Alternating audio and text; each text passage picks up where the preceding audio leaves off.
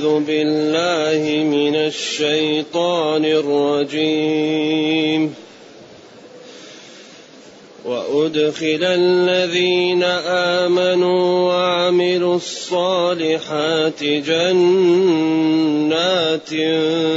تجري جنات تجري من تحتها الأنهار. تجري من تحتها الأنهار خالدين فيها بإذن ربهم. تحيتهم فيها سلام. ألم تر كيف ضرب الله مثلا كلمة طيبة كشجرة؟ كلمة طيبة كشجرة طيبة أصلها ثابت وفرعها في السماء تؤتي أكلها كل حين بإذن ربها ويضرب الله الأمثال للناس لعلهم يتذكرون. ومثل كلمة خبيثة كشجرة خبيثة اجتثت كشجرة خبيثة اجتثت من فوق الأرض. ما لها من قرار. يثبت الله الذين آمنوا بالقول الثابت في الحياة الدنيا وفي الآخرة. ويضل الله الظالمين. ويضل الله الظالمين ويفعل الله ما يشاء.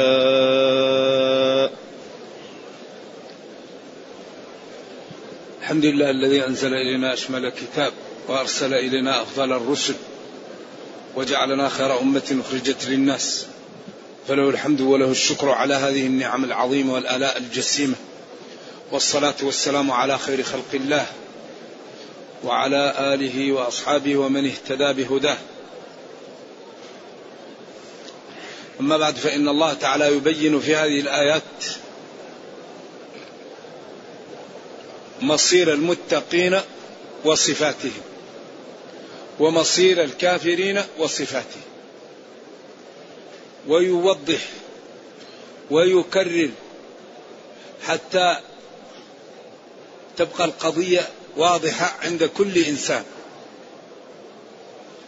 فقال أخبر الله عن الشيطان أنه يقول في النار على منبر حين يأتيه الذين ضل لهم حينما يروا نبينا يشفع للعالم في, في الموقف ويخفف على الناس ويخرج ناس من النار يقول هذا إبليس هو الذي ضللنا نتفاهم معه نذهب إليه. فيقول لهم إن الله وعدكم وعد الحق ووعدتكم فأخلفتكم. إن الله أخبر أن الذي يعمل الخير يجد الخير والذي يعمل الشر يجد الشر. أما أنا قلت لكم إن الدين غير صحيح وأنه لا بعث. و وأخلفتكم كذبت عليكم. ولكن اللوم عليكم لانني لا سلطة لا سلطة عندي أرغمكم بها. ما عندي سلطة ولا قوة عليكم. ولكن أنا دعوتكم وأنتم استجبتم. قلت لكل واحد تعال. تعال يعني. فأنت جئت بنفسك من غير أن ترغم. فلا تلوموني. يعني اللوم عليكم لما لما تقبلوا ما قلت لكم. ولما تسمعوا مني. اذا هذا أمر واضح جدا. ما أنا بمنقذكم ولا نافعكم وما أنتم بمنقذية ولا نافعين إني كفرت وجحدت وكتمت ما كنتم تعملون معي. ثم قال إن الظالمين لهم عذاب أليم. جملة تأكيدية مذيلة للسابق. طيب. هؤلاء الذين تبعوا الشيطان وضلوا.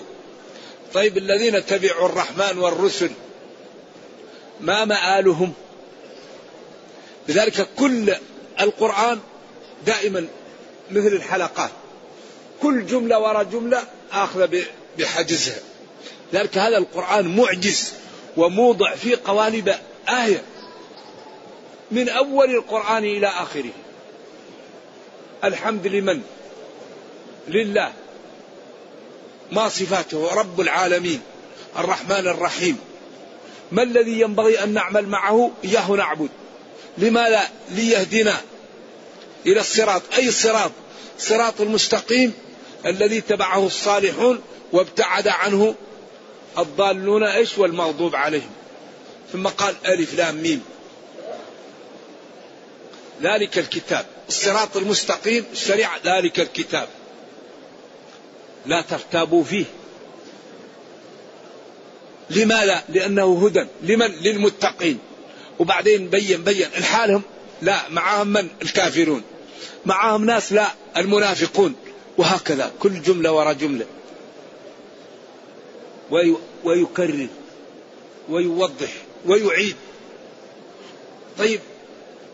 أين الشريحة الأخرى. لأن الدنيا حزبان. كل أهل الأرض صنفان. فريق في الجنة وفريق في السعير. بين أن هؤلاء أصحاب الشيطان يقول لهم هذا. طيب قال وأدخل الذين آمنوا وعملوا الصالحات جنات تجري من تحتها الأنهار. وأدخل. هنا حذف الفعل أدخل لأن المهم هنا دخولهم. الكلام ينصب على الدخول لأنه هو أهم شيء. لذلك حذف الفاعل. أن أهم شيء الواحد يدخل الجنة. الذين آمنوا. آمنوا 11 جملة. عملوا الصالحات الفعالات الصالحات يدخل فيها جميع أعمال الخير. لذلك هذا القوالب الموضوع في هذا الدين عجيبة. أدخل الذين آمنوا وجاء بالتعبير بالموصول ليعطي للمعبر فسحة. لأن الموصول لا بد له من صلة. الذين آمنوا. هذا وصف جميل. أدخلوا ما لا. بعدين قال وعملوا الصالحات. تلاحظوا أن القرآن دائما إذا ذكر الإيمان يذكر معه الأعمال الصالحة. لأن الإيمان في القلب. فالذي يبرهن على الإيمان ما هو؟ الأعمال. فذلك والعصر إن الإنسان لفي خسر إيش؟ إلا الذين آمنوا وعملوا الصالحات. وقال ثم رددناه أسفل سافلين إلا الذين آمنوا وعملوا الصالحات. وقال هنا وأدخل الذين آمنوا وعملوا الصالحات. آمنوا بالله وملائكته وكتبه ورسله واليوم الآخر وبالقدر خيره وشره وآمنوا أنه لا إله إلا الله وأن محمد رسول الله وبإقام الصلاة وإيتاء الزكاة وصوم رمضان وبحج البيت. وعملوا الفعالات الصالحات من غض البصر وكف الأذى وإكرام الضعيف ومساعدة الأرملة واليتيم وعدم أكل أعراض الناس وعدم التعامل بالربا والنجش والغرر والجهالة وعدم أكل الميتة. عملوا الصالحات مما أمر به ومما نهي عنه كفوا عنه. لأن هذا من عمل الصالح أن الإنسان يبتعد عن الحرام. أدخلوا ما جناتي. جمع جنة تجري من تحتها الأنهار من تحت بساتينها الأنهار. والجنة حدث ولا حرج. نساء أهل الجنة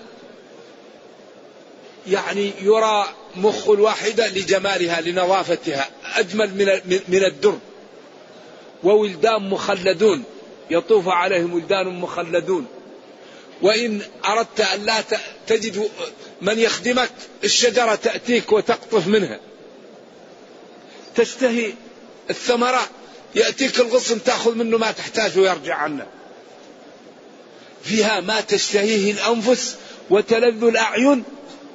بعدين وأنتم فيها خالدون. لا حر ولا برد ولا ثقل ولا تعب. إذا هذا ينبغي أن إيش؟ ينبغي أن يبذل له هذه الجنة الذي يريدها يبذل. إذا كان واحد يخطب امرأة ذات جمال ومال ومنصب ودين فيها الصفات الأربعة. تنكح المرأة لأربع فيها الصفات الأربعة. إذا قيل له ادفع المهر يقول لا يدفع.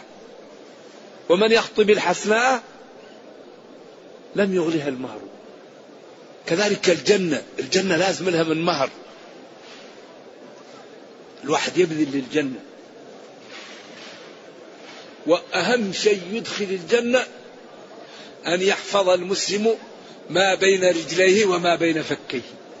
أكثر ما يدخل الناس النار ما بين الرجلين وما بين الفكين.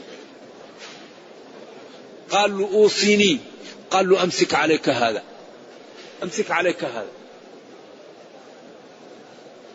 الذي يأتي الإنسان يوم القيامة مفلس. هذا. ذلك قال من يضمن لي ما بين رجليه وما بين فكيه يضمن له الجنة. فالحقيقة و كما ذكرنا المسلم يقوم بالأسباب ويسأل الله. يقوم بالأسباب والله كريم ولا يضيع أجر من أحسن عملا جنات تجري من تحتها الأنهار خالدين فيها لا يخرجون منها بإرادة الله تعالى وبإذنه وبأمره. ذلك حاصل بإرادة الله وبقدره. تحيتهم أي تحية أهل الجنة فيها في الجنة سلام. الملائكة تقول لهم سلام عليكم بما صبرت وكل واحد يقول السلام عليكم سلمكم الله. يعني كلها سلام وكلها نعمة وكلها راحة. لذلك لا بد أن نحاسب حتى ننجو من النار. هذه النار مشكلة. بعدين اللي ما يحاسب مشكل. ثم بين الأمثال. ألم تر كيف ضرب الله مثلا كلمة طيبة كشجرة طيبة؟ أصلها ثابت وفرعها في السماء تؤتي أكلها كل حين بإذن ربها ويضرب الله الأمثال للناس والله بكل شيء عليم. هذا القرآن يكثر من ضرب الأمثال لأن المثل إذا فهمه الإنسان يغني عن عن عن محاضرة يغني عن درس. ولذلك قال وتلك الأمثال نضربها للناس وما يعقلها إلا العالمون. ويقال ويضرب الله الأمثال للناس والله بكل شيء عليم. ولذا أغلب أمثال القرآن محسوسة. إلا المثل الذي يراد به التنفير والتبشيع كقوله طلعها كأنه رؤوس الشياطين. هذا مقصود التنفير ولكن إلا كباسط كفيه إلى الماء ليبلغ فاه وما هو ببالغ. فكأن ما خر من السماء فتخطفه الطير أو تهوي به الريح في مكان سحيق. مثل ما ينفقون في هذه الحياة الدنيا كمثل ريح فيها سر أصابت حرث قوم ظلموا أنفسهم فأهلكته وما ظلمهم الله ولكن كانوا أنفسهم يظلمون. يعني الأمثال كثيرة في القرآن. ولذلك قال في الذي يمن ويمن قال إيش؟ أيود أحدكم أن تكون له جنة من نخيل وأعناب تجري من تحتها الأنهار له فيها من كل الثمرات وأصابه الكبر وله ذرية ضعفاء فأصابها إعصار فيه نار فاحترق. كذلك يبين الله لكم الآية. لما سئل ابن عباس قال هذا الرجل يعمل بأعمال الخير حتى إذا قرب أجله انقلب على عقبه عياذا بالله وعمل بالشر. مثل الذين ينفقون أموالهم في سبيل الله كمثل حبة أنبتت سبع سنابل. يعني يكثر من الأمثال في هذا الشيء. إذا يقول وضرب الله مثلا ألم تر كيف ضرب الله مثلا كلمة طيبة؟ ألم تر بقلبك؟ كيف؟ على أي حال؟ ضرب الله صور ومثل وقرب. مثلا كلمة طيبة. مثلا كلمة كلمة هي المثل وهي لا إله إلا الله. هذه هي الكلمة الطيبة وهي الذي ترفع العمل. إليه يصعد وش؟ الكلم الطيب لا إله إلا الله. والعمل الصالح يرفعه الكلم الطيب اللي هو لا إله إلا الله. لأن إذا لم يكن فيه لا إله إلا الله العمل الصالح ما يرفع. إذن ألم ترى كيف؟ أي حال ضرب الله مثلا كلمة وهي لا إله إلا الله طيبة تدخل الجنة وتنقذ من النار وفيها عبادة لله وفيها شكر المنعم. كشجرة طيبة. الشجرة الطيبة قيل النخلة. ولذلك يشبه المسلم إيش؟ بالنخلة لأن النخلة فيها منافع كثيرة. المسلم فيه منافع كثيرة. المسلم كل تحركاته منافع. كذلك النخلة فيها السعف وفيها الليف وفيها الرطب وفيها النواة وفيها الجذع كل شيء في النخلة ينفع. كذلك المسلم أعماله طيبة يساعد ويعلم وينصح ويدعو لإخوانه وينقذ ويبين و و و ويكون قدوة في الخير ويعبد الله. فالمسلم أعماله كلها خير. لذلك هو مثل النخلة هذا تشبيه بهذا فقلبه فيه الثمرة وتحركاته مثل الأغصان وكذلك يعني كل جزء منه يشبه بهذا الشجرة. واضرب الله مثلا كلمة طيبة كشجرة طيبة. أصلها ثابت في الأرض وفرعها في السماء مرتفع. تؤتي كذلك المسلم هو في الأرض وعمله يرفع إلى السماء الصالح ويكتب له هناك. تعطي أكلها كل حين بإذن ربها. قيل كل يوم أيام الجلال وقيل في السنة وقيل في بعد شهرين ثلاثة. يعني أقوال للعلماء والمقصود أنها تعطي أكلها كل وقت بإذن ربها ويقصد بهذا أيام إيش؟ أيام الجلال. تأخذ منها من كل حين أردته. وكذلك المسلم يأتي بالخير كل حين من استغفار ومن صلاة ومن عبادة وتوبة وأمر بالمعروف ونهي عن المنكر. ويضرب الله الأمثال للناس. يجعل الله تعالى الأمثال الشيء البعيد يقربه بالقريب حتى يبقى واضحا ويفهم فهما كاملا فيكون مدعاة لهداية من سمعه وسببا في صلاحه وبعده عن الحرام. والله بكل شيء عليم. ويضرب الله الأمثال للناس لعلهم يتذكرون لكي يعلموا أن هذا الدين وأن هذه الأمثال وأن هذه القوالب وهذا الأسلوب لا يمكن أن يكون إلا من الله. لعلهم يتذكرون أني, أني أنا المعبود بحق وأن نبيي مرسل. فيمتثلوا الأوامر ويجتنبوا النواهي فيسعدوا. ويضرب الله الأمثال للناس لعلهم يتذكرون. لكي يتذكروا بذلك قدرتي. وإحاطة علمي وأني أنا الذي أستحق العبادة وأن أوامري حري بتنفذ وأن نواهي جديرة بأن تترك. لأن القرآن كله يدور على إيش؟ اعبدوا الله ولا تشركوا به شيء. وهذا يتكرر. ويأتي بأساليب وبطرق غاية في, في, في, في, البيان. ثم بين الشريحة الأخرى. ومثل كلمة خبيثة. كشجرة خبيثة. قيل الشجرة الخبيثة الحنظلة.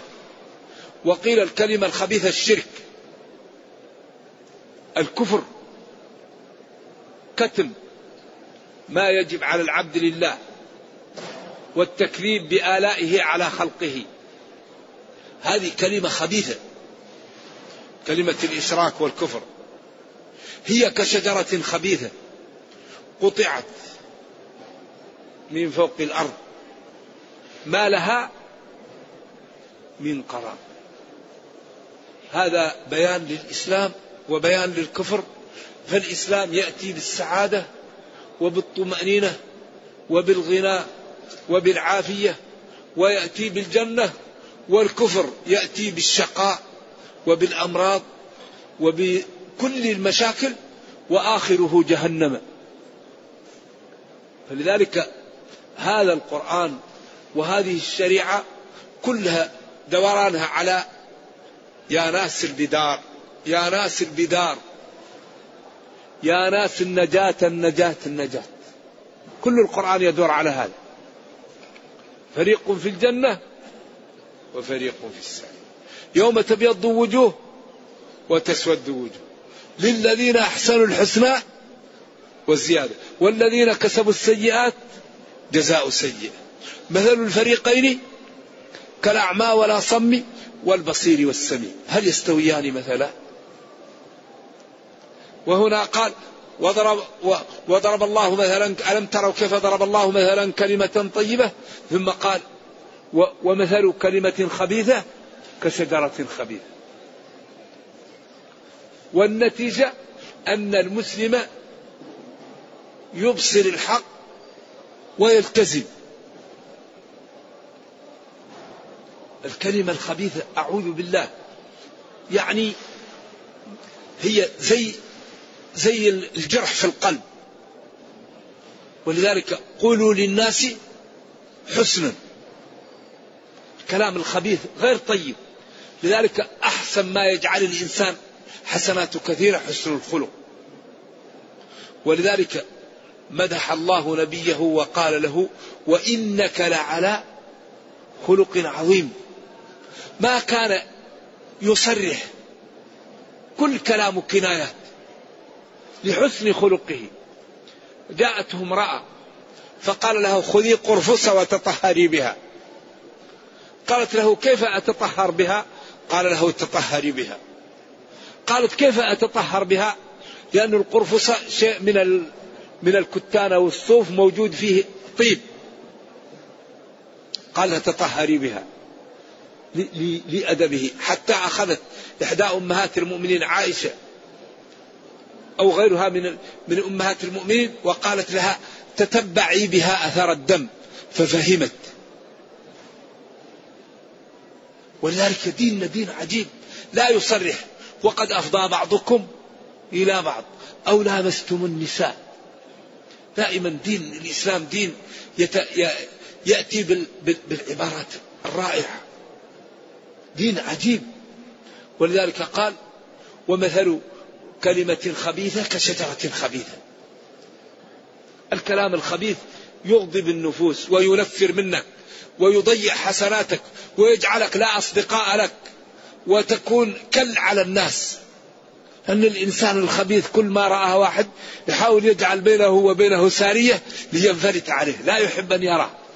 بخلاف الطيب فإنك تتعرض لتراه ولتسلم عليه وتحبه. ذلك قال ربنا وإنك لعلى خلق عظيم. يقول ابن جزي أكرم الناس. أشجع الناس أعلم الناس أحلم الناس أفهم الناس أجمل الناس أسخى الناس أصبر الناس. صلوات الله وسلامه عليه. ذكر له سبعة وعشرين صفة عند قوله تعالى وإنك لعلى خلق عظيم.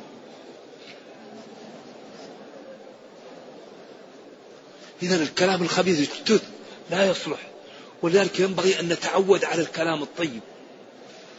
قولوا للناس حسنا من كان يؤمن بالله واليوم الآخر فليقل خيرا أو ليصمت.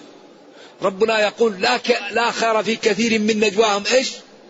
إلا من أمر بصدقة أو معروف أو إصلاح بين الناس. فدائما يكون المسلم كلامه طيب وأعماله طيبة وأخلاقه طيبة فإن هذا سببا في محبة الناس له. وفي وفي القبول منه وفي تكثير حسناته بخلاف الإنسان السيء الملكة.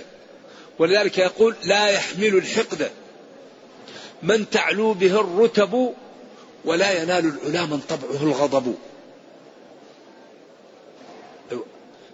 أصحاب الشرف والفضل لا بد أن يتغاضوا عن الناس. ما الذي يمايز الناس؟ إلا البذل والصبر. والاستقامة. الناس من آدم وآدم من تراب. الناس من جهة التمثيل أكفاء. أبوهم آدم والأم حواء. فإن يكن في أصلهم شرف يفاخرون به فالطين والماء. ولكن الذي يمايز الناس الحلم البذل التغاضي الذهاب في سعي في مصالح المسلمين. مريض لازم يعالج. أرملة لازم ينفق عليها يتيم لازم يرعى. إخوان متقاطعين لازم يصلح بينهم. شاب ذكي ما درس لازم نحصل له منحة ونحصل له دراسة. إنسان عاطل لازم نحصل له عمل. لذلك لولا المشقة إيش؟ ساد الناس كلهم فالفضائل لا تنال إلا بعلو الهمة وعلو الهمة لا ينال إلا بالتعب لأن الإنسان إذا أحب الفضائل هانت عليه المتاعب. الإنسان إذا أحب الفضائل هانت عليه الذي يعشق الجنة. إذا كان في الليل يحب يصلي يحب يصوم يحب يقرأ القرآن يحب يذكر الله يحب يستغفر لأنه تعلق بالجنة الجنة لها ثمن. إذا وأهم شيء أن الإنسان يحسن خلقه. ولذلك نعوذ بالله من سيء الأقوال والأفعال والأعمال والأوجاع. والكلمة الخبيثة اجتثت ما لها قرار ما لها بقاء. مثل الشجرة الخبيثة الحمالة هذه أو شجرة الشوك كل ما مررت بها تأذيك أو تشق ثيابك أو تأذي ف... فلذلك هذا مثل حتى الإنسان يكون على بصيرة فيكون من الطيبين ويبتعد عن الأشرار وعن الخبثاء. ما لها من قرار على الأرض. لذلك الكلام الطيب مثل المرهم. الإنسان إذا كلمت كلام طيب يقبل منك ويستريح لك فتزيل ما فيه من الشر وتضع ما فيه من الخير. أما الشران إذا إذا رآه الناس ذهبوا عنه. ثم قال يثبت الله الذين آمنوا بالقول الثابت في الحياة الدنيا وفي الآخرة. الذين آمنوا وختم عليهم بالإيمان هؤلاء الله يثبتهم.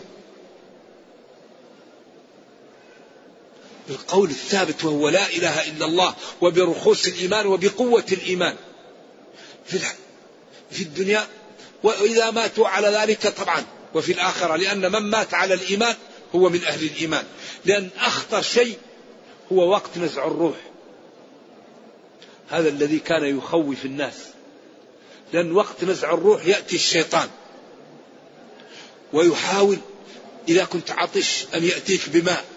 وإذا كنت متألم أن ينزع عنك الألم. ولذلك هذا الوقت أخطر وقت. وقت إيش؟ الغرارة. لذلك كان من دعاء نبينا يا مقلب القلوب ثبت قلوبنا على دينك. يا مقلب القلوب ثبت قلوبنا على دينك. وهذا الذي كان يخيف كبار العلماء ما الذي ختم لهم؟ يقول كل واحد يقول أخاف أن يؤخذ إيماني قبل أن نموت. لذلك هؤلاء يثبتهم الله في الحياة الدنيا وفي الآخرة عند الغرارة عند الموت. ويضل الله الظالمين ويفعل الله ما يشاء. ويضل الله الظالمين يبعدهم عما عن الحق وعن الخير ويجعل المعصية تدعو للمعصية والطاعة تدعو للطاعة. المعاصي من شؤمها أنها تقسي القلب. فإذا قسى القلب تكاسل العبد عن الذكر وعن الاستغفار وعن الصدقة وعن أعمال البر. كل معصية تدعو للمعصية أما الطاعة تدعو للطاعة. فإذا عمل العبد طاعة نشط فإذا نشط قام بالعبادات. لأن الطاعة تنشط ويفرح يفرح القلب وتقوي الجسم وتعطي للإنسان قوة داخلية بها يستطيع أن يقوم بالأعمال. ولذلك إذا قام العبد في الليل وذكر الله انحلت عقدة ثم توضأ انحلت عقدة ثم صلى ركعتين انحلت عقدة فأصبح إيش؟ طيب النفس نشيط. أما إذا قام عليه الشيطان ويعقد ثلاثة عقد نم فإن وراءك ليلا طويل. يصبح نفسه غير جيدة وغير مستريح فلذلك لا يوجد شيء أنفع من العبادات والطاعة. ويبعد الله الظالمين ويفعل الله ما يشاء. اللهم إنا نسألك أن تغفر لنا. اللهم إنا نسألك أن, أن ترحمنا. اللهم إنا نسألك أن ترينا الحق حقا. وترزقنا اتباعه وأن ترينا الباطل باطلا وترزقنا اجتنابه وأن لا تجعل الأمر ملتبسا لنا فنضل. اللهم ربنا آتنا في الدنيا حسنة وفي الآخرة حسنة وقنا عذاب النار. اللهم اختم بالسعادة آجالنا واقرم بالعافية غدونا وآصالنا واجعل إلى جنتك مصيرنا ومآلنا. سبحان ربك رب العزة عما يصفون وسلام على المرسلين والحمد لله رب العالمين والسلام عليكم ورحمة الله وبركاته. مشايخ ينبغي أن تكون الأسئلة في الدرس الأولى أو أو فيما يحتاجه المسلم في عبادته. تكون الأسئلة في الدرس يعني في الآيات المدروسة أو أو في يكون في شيء تتعلق بعبادة المسلم. يقول هل الصلاة في الروضة؟ عليها مزية في المسجد النبوي الشريف على صاحبه أفضل الصلاة والسلام. هل يقال للميت في الدعاء زوجا خيرا من زوجه ودارا خيرا من داره؟ نعم يقال لا يضر. نعم. الروضة ورد فيها حديث ما بين بيتي ومنبري روضة من رياض الجنة. والحديث صحيح. ولكن ما المقصود بهذا؟ اختلف العلماء. ولكن هذا هذا الأسلوب يدل في الجملة على أن هذا المكان فيه فضل. ولكن اتفقوا على أن الصلاة في الصف الأول أفضل من الروضة. هذا محل اتفاق. لأن قال الصف الأول أفضل. ما قال إلا إذا كان العبد يصلي في الروضة. ما استثنى. فهو عمم أن الصف الأول أفضل. ولكن قراءة القرآن في الروضة أو صلاة ركعتين أو الدعاء فيها إن شاء الله فيه خير وفيه فضل. لكن ما هذا الفضل؟ الله أعلم. لكن كأن ما بين بيتي ومنبري قيل لأنه العبادة فيه تؤول إلى إيش؟ إلى إلى إلى الجنة. وقيل لأن فوق الجنة أقوال للعلماء. لكن هذا الأسلوب في الجملة يدل على فضل هذا المكان. نعم. يقول ما حكم الدعاء لأهل اليابان في خلال هذه الزلازل والطوفان؟ على كل حال الدعاء للكافر يمكن تدعو للكافر إن الله يهديه.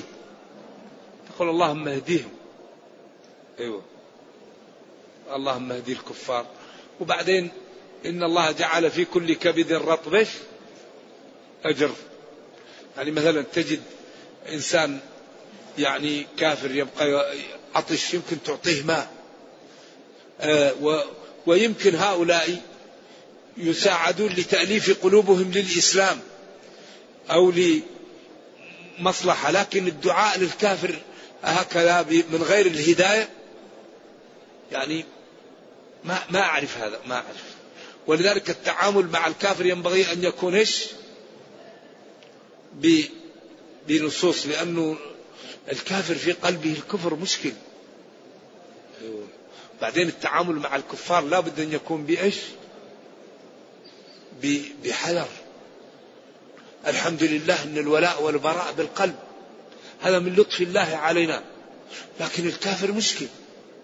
الذي في قلبه الكفر التعامل معه يجب أن يكون إيش؟ حذر. لكن لا نظلمه. لا نظلم الكافر. والمستأمن.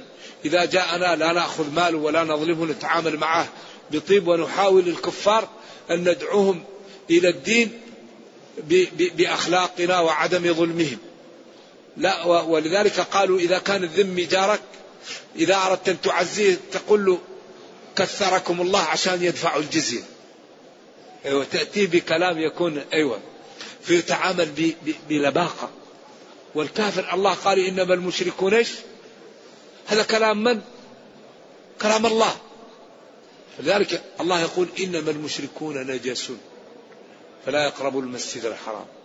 بعد عامهم هذا والتعامل معهم يكون في غاية من ال من ال في, في, في, في نطاق الشرع. نعم. وهؤلاء الحقيقة نرجو الله تعالى أن لا يبتلينا وأن يهدي يجعل الإسلام إن شاء الله يعم الكرة الأرضية. لكن الجواب الدقيق الله أعلم ما أعرف. الحديث الوارد في أن الذبح في قوله وفديناه بذبح عظيم هو الكبش. نعم.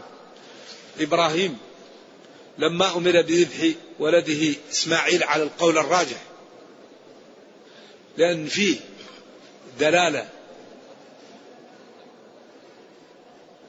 على أن الذبيح إسماعيل في القرآن لأنه قال بعده وبشرناه بإسحاق. كيف يكون هو المذبوح ويقول وبشرناه بإسحاق ثم بعدين قال ومن وراء إسحاق إيش؟ يعقوب. قال أن إسحاق هذا يولد له ولد طيب كيف يذبح هو وبشرهم بأن يولد له ولد هذا أكبر دليل على أن الذبيح إسماعيل. فكيف يؤمر بذبحه وهو أخبره أنه سيكون له ولد؟ قال ومن وراء إسحاق يعقوب. نعم فهذا أكبر دليل على أن الذبيح إسماعيل وإن قال جلة من العلماء كالطبري وغيره من الفضلاء قالوا إنه إسحاق لكن هذا القول مرجوح. نعم. يقول ما ما السنن الرواتب التي قبل الصلاة وبعدها؟ وهذه تكون الاثنا عشر تكون في الوقت التي تكون فيه بعد كل صلاة بعضها بعد الصلاة وبعضها. نعم. أربعة قبل الظهر واثنتين بعدها كم هذه؟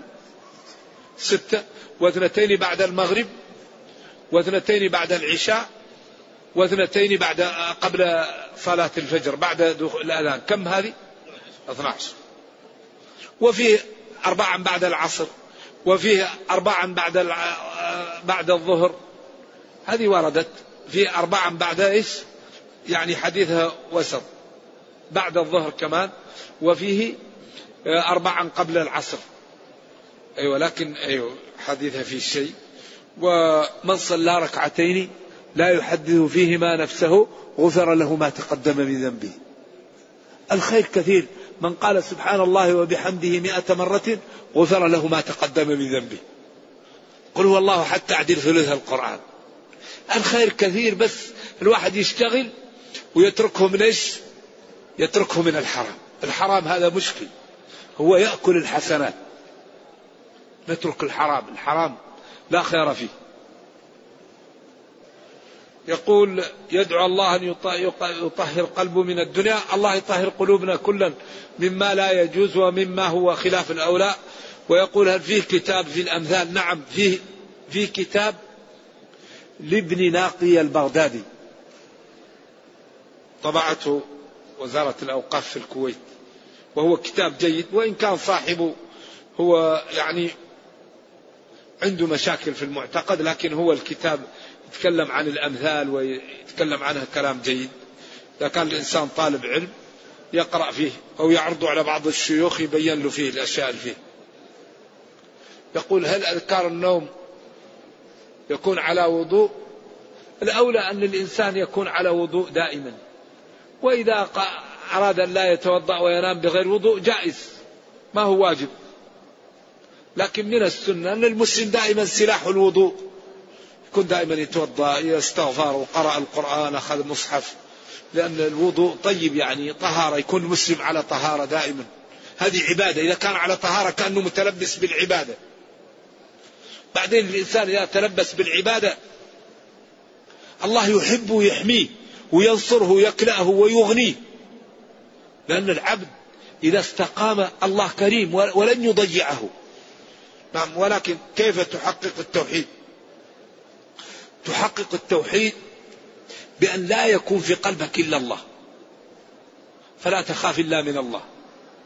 ولا تحب إلا الله. ولا تغضب إلا لأجل الله. ولا ترضى إلا لأجل الله. ويكون أعمالك كلها لأجل الله. هذا هو التوحيد. كل عمل تكون قصدك به النهاية فيه رضا الله. وأي عمل تتركه يكون لأجل رضا الله. هذا التوحيد. تكون أعمالك كلها لله. تجعل أكلك لأن الله أمرك بأن لا تقتل نفسك نومك حتى تعبد الله. تكون أعمالك مباحة تنوى بها التقوي على العبادة. كل أعمالك تكون فيها نية فيكون عملك لله وتخلص لله ولا تخاف ولا ترجو إلا الله. والعبادة البدنية والمالية والقلبية تجعلها لله. جعل الله وإياكم من المتقين.